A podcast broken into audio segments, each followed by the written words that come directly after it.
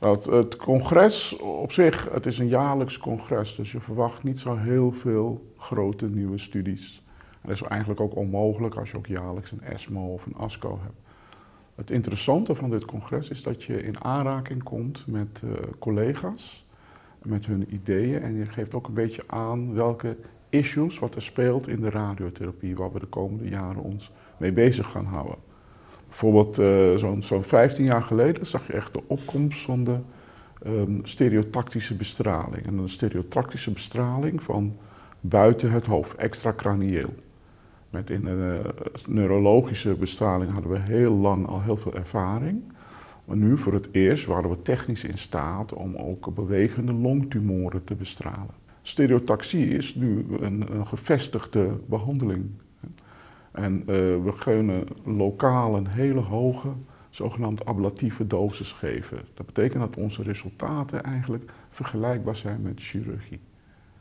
Uh, de direct vergelijkende studies zijn nooit van de grond gekomen. Die zijn uh, mislukt omdat het accrual was te weinig. Maar ook nu op dit congres zag je dat we allemaal, met allemaal statistische trucjes uh, propensity match analysis, waarbij we eigenlijk dus een gerandomiseerde studie kunnen uh, imiteren. En nu zag je ook vanuit andere bronnen, hè, er was een, Chinese propensity match analysis, er was een uit Zuid-Amerika, waarin blijkt dat we eigenlijk vergelijkbare resultaten hebben met uh, de chirurgen.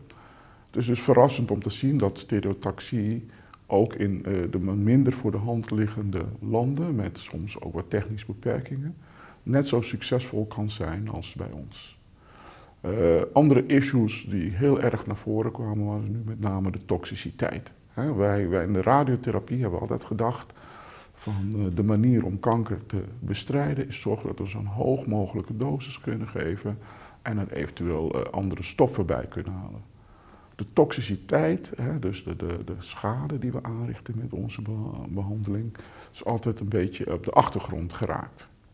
Nou, van de stereotaxie weten we dat we sommige tumoren uh, misschien niet stereotactisch moeten bestralen. Het gaat om zogenaamde centrale tumoren.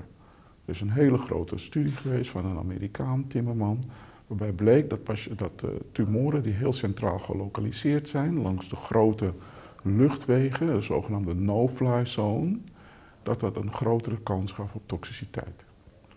We hebben het allemaal kunnen bypassen door het aanpassen van de fractionering en door aanpassen van de dosis.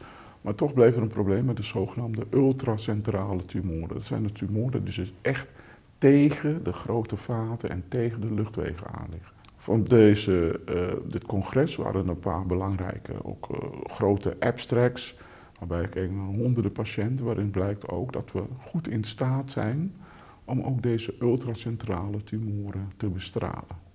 Dat we gewoon de toxiciteit goed in de gaten moeten houden. Uh, veel ontwikkelingen in de radiotherapie hebben te maken met een verbetering van de techniek en met een beter inzicht in de radiobiologie en de fysica. Wat altijd een probleem is, is om deze nieuwe technieken in gerandomiseerde studies, we gaan ervan uit, we hebben proof of principle, we doen het zo en daardoor zal het beter werken. Maar eigenlijk zou je dat natuurlijk in gerandomiseerde studies willen bewijzen. Je wil je nieuwe techniek uitzetten tegen je oude techniek. Het probleem is dat het heel moeilijk is om zo'n studie vol te krijgen. Als je patiënten moet gaan uitleggen, ja, we hebben een, nieuwe techniek waarbij we ervan uitgaan dat we uh, minder uh, schade aanrichten aan de normale weefsels, maar dat willen we graag bewijzen in een studie, wilt u meedoen? Er zijn weinig uh, patiënten die kiezen om een kans te krijgen om met een oude techniek behandeld te worden. Heel interessant was op deze, op deze bijeenkomst ook dat er wel een gerandomiseerde studie is gedaan in in Oceanië, het zogenaamde Chisel-studie, een studie van eh, de groep van David Ball, waarbij mensen gerandomiseerd zijn tussen een bestraling op de oude manier, de gebruikelijke manier, versus een stereotactische bestraling. En zoals verwacht, maar dus nu ook, ook aangetoond in een gerandomiseerde studie, is er een voordeel van de uh, stereotactische bestraling. Overall survival was een hazard ratio van punt 53 of punt 51 in het voordeel van de stereotactische bestraling. Ook de lokale controle was veel en veel hoger in het voordeel van de stereotactische bestraling. Het was niet een hele grote studie, waren een honderdtal patiënten, Maar toch, het is de eerste keer dat er een, gerandomiseerde studie gedaan is, uh, zover ik weet. Dus dat was een belangrijke ontwikkeling. Dat wat we van uitgaan, dat het nu ook bewezen is dat het ook echt werkt. Dat zijn de, uh, voor de early stage. Uh, wat we wel zien na uh, stereotactisch bestraling, is dat het heel moeilijk is om patiënten te evalueren na afloop. Want tijdens de follow-up ontstaat er heel veel fibrose. Het wordt een dens longweefselgebied op de röntgenfoto en het is heel moeilijk te onderscheiden van een lokaal recidief. We hebben allemaal radiologische criteria. de groep van Sennen en, en ehm, ben, uh, ben Slotman van de VU, pioniers op dat gebied, hebben uh, een aantal criteria bijvoorbeeld geformuleerd. Nu was er ook een interessante presentatie van ze, waarbij gekeken werd naar mensen die uh, geen lokaal recidief hadden, maar wel ook die criteria waar dus ook positieve radiologie was, om het zo te zeggen. En dan bleek dat er zelfs zo'n 29% had zo'n drie of meer van die criteria. Geeft het belang aan van het in multidisciplinair verband bespreken van uh, deze patiënten om uh, te besluiten of je wel of niet uh, verdere analyses moet doen om te kijken of het gaat om lokale recidieven. Wat betreft de locally advanced is eigenlijk concurrent chemoradiatie is al jaren de standaard. We doen het ook beter dan vroeger met uh, vijf jaar survivals van rond de 30%. Maar eigenlijk zou je als je het glas half leeg ziet, zou je kunnen zeggen, ja dat betekent dat je dus bij 70% van de mensen faal je.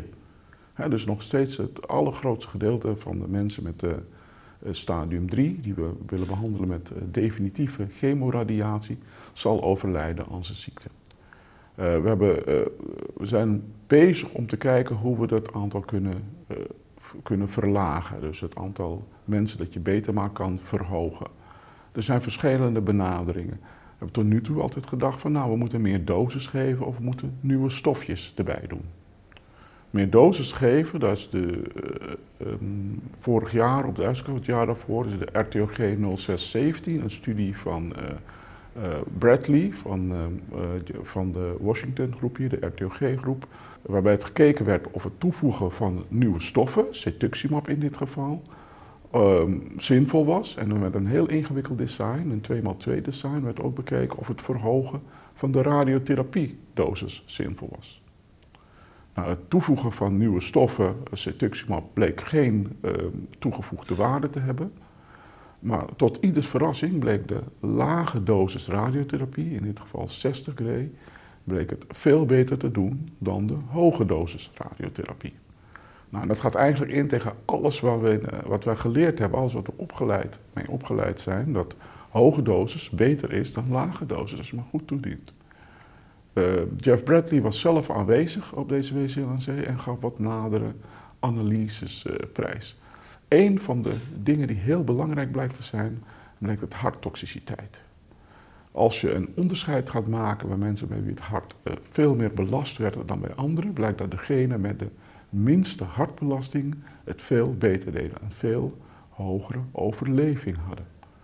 Dat is de zogenaamde V40 van het hart, dat wil zeggen het volume van het hart dat 40% of meer krijgt, blijkt uh, een cruciale voorspellende waarde te zijn.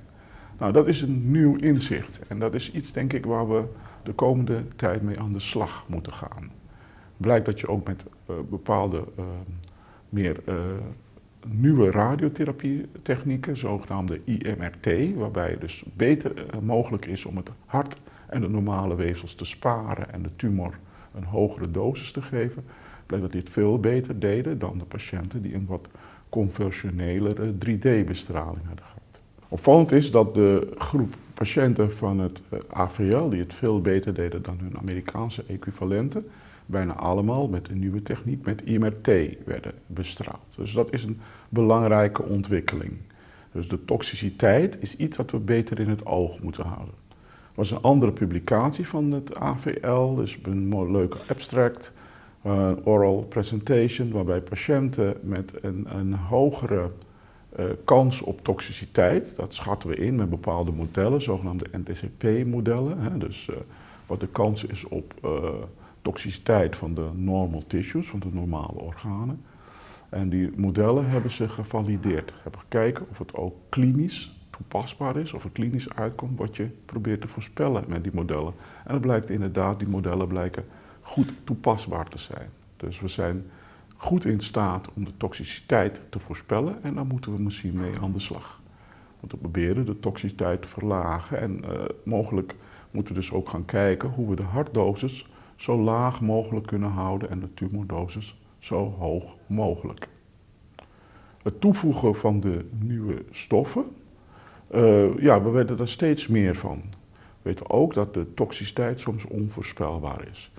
Een van de uh, laatste spectaculaire ontwikkelingen is het toevoegen van een anti-PLDL1 antilichaam, het uh, durvalumab, de zogenaamde Pacific Study. Die is onlangs op de uh, ASCO gepresenteerd, waarbij patiënten definitief concurrent chemoradiatie kregen, gevolgd door de Valumab. Het bleek tot spectaculaire resultaten te leiden. Echte eindpunt is de overall survival. Dat is nog niet bekend, dat moet nog gepresenteerd worden. Dus eigenlijk zouden we af moeten wachten. Maar als je kijkt naar de progressievrije survival, na één jaar was er een verbetering van zo'n 20% Dus 55% in de durvalumab-arm. Na 18 maanden bleek die verbetering nog steeds aanwezig te zijn. Deze verbetering is ietsje lager, rond zo'n 17%, maar nog altijd 44% in de durvalumab. Dit zijn veel en veel betere resultaten dan we tot nu toe hebben.